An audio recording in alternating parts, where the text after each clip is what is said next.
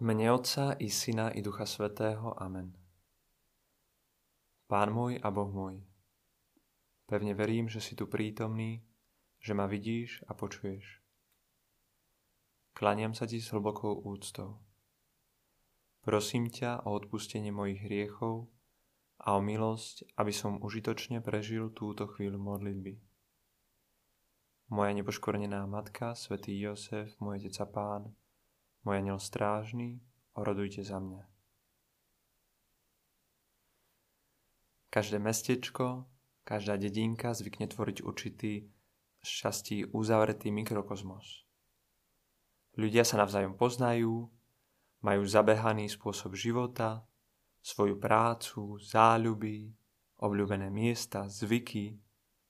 Každý vie, alebo si aspoň myslí, že vie, čo môže očakávať od toho druhého. Akákoľvek nová osoba alebo udalosť, ktorá by nabúrala ustálený chod tohto malého sveta, môže spôsobiť nemalý rozruch. A tak si môžeme predstaviť, ako asi vykolajili posledné udalosti beh malej dedinky zvanej Betlehem. Najskôr cisárovo sčítanie ľudu – potom sa začalo hovoriť o jednom dieťati, ktoré sa počas tejto príležitosti narodilo a ktorého narodenie údajne sprevádzali znamenia. Boli to pastieri, ktorí rozhlásili, že videli anielov a že dieťa je niekým veľkým. Nevieme toho o Betlehemčanoch veľa, no zdá sa, že na rozdiel od pastierov, niektorí z nich nerozoznali Ježišovi novonarodeného kráľa keďže pre jeho rodinu nenašli miesto v hostinci.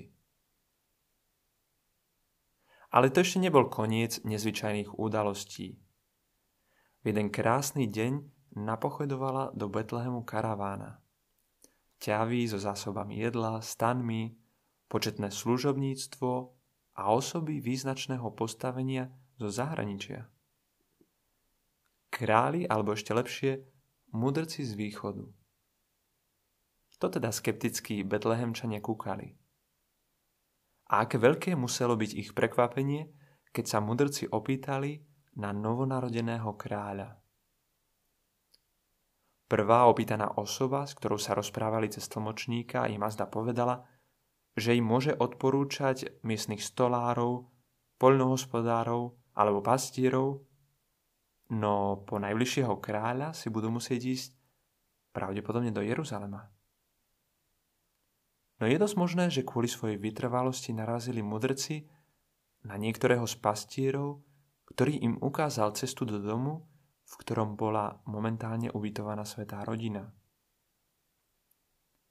Ak iste sa okolo zreklo veľa ľudí, niektorí ponúkali mudrcom na predaj svoje produkty, iní si obzerali sprievod, ako by sa jednalo o cirkusové predstavenie a ďalší si mrmlali – No veď počkajte, keď uvidíte to vaše dieťa, dáte nám zapravdu, že sa nejedná o žiadneho kráľa, ale o úplne obyčajného chlapčeka z chudobnej rodiny.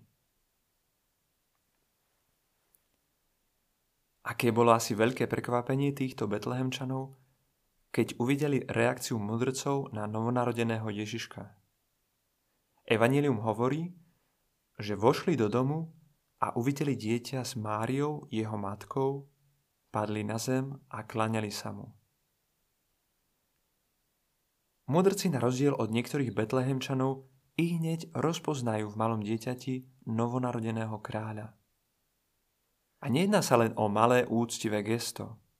Prinášajú aj pozornosti hodné kráľovského titulu a neváhajú ich Ježišovi odovzdať. Svetý Matúš píše, že mudrci otvorili svoje pokladnice a dali mu dary zlato, kadidlo a mirhu. Mohli by sme sa opýtať, ako je možné, že Betlehemčania, ktorí mali svojho kráľa tak blízko, neboli schopní rozpoznať ho? A naopak, mudrci z východu, ktorí prišli z veľkej diaľky, ho rozpoznali i hneď. Isté, že bola tu hviezda, výklad Herodesových poradcov, podľa ktorých sa malo dieťa narodiť v Betleheme.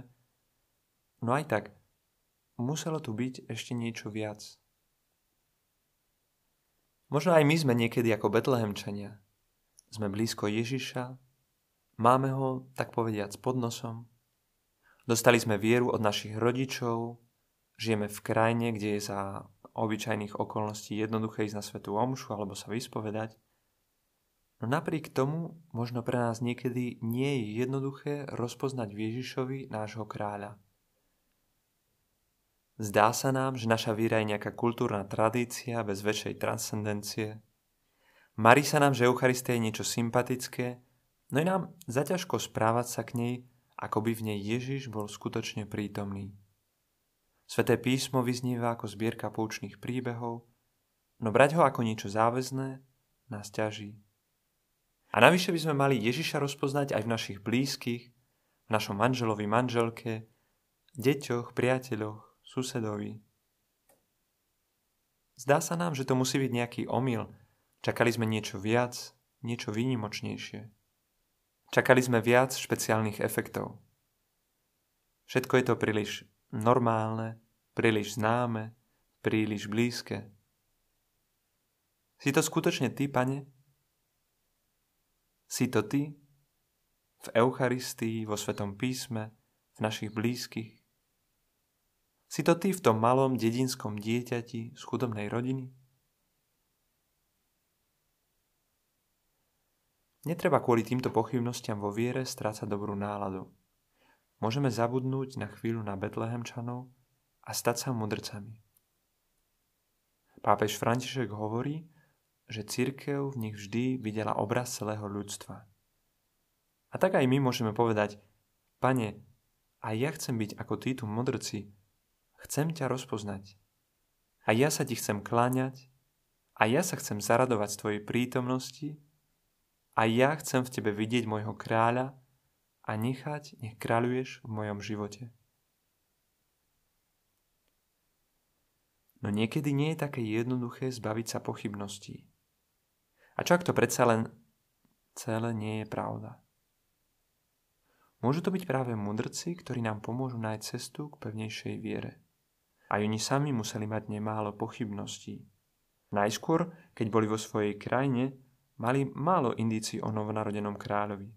Boli to hviezdy, ktoré im hovorili o Ježišovi, no všetci ostatní mlčali. A navyše k pochybnostiam vo viere sa pridávali aj vonkajšie ťažkosti. Na to, aby sa prišli pokloniť novonarodenému kráľovi, museli zanechať svoju prácu a zaj svoju pozíciu, prekonať nepochopenie priateľov, kolegov alebo aj ironické poznámky a vydať sa na dlhú, nepohodlnú a nebezpečnú cestu. No oni sa rozhodnú pre tento krok, krok do neznáma. A preto sú mudrci z východu pre nás príkladom. Aj oni mali pochybnosti vo viere, no ukazujú nám, ako je možné prekonať ich. Je to vykročenie do neznáma, dôvera napriek pochybnostiam, sú to skutky, skutky lásky, ktoré posilňujú vieru mudrcov v novonarodeného kráľa. A práve kvôli svojej činorodej láske k novonarodenému dieťatku dokážu mudrci rozpoznať v malom Ježiškovi svojho spasiteľa. Viera a láska idú ruka v ruke. Urobiť krok do neznáma a pokloniť sa novonarodenému kráľovi v Eucharistii, napriek tomu, že máme pochybnosti, posilňuje našu vieru. Urobiť krok do neznáma a otvoriť sveté písmo napriek tomu, že sa nám zdá možno trochu obyčajnou knihou, posilňuje našu vieru. Urobiť krok do neznáma a slúžiť našim blízkym, ako by v nich prebývalo dieťa Ježiš, robí našu vieru silnejšou. A tak sa naše srdce otvára pre novonarodeného kráľa.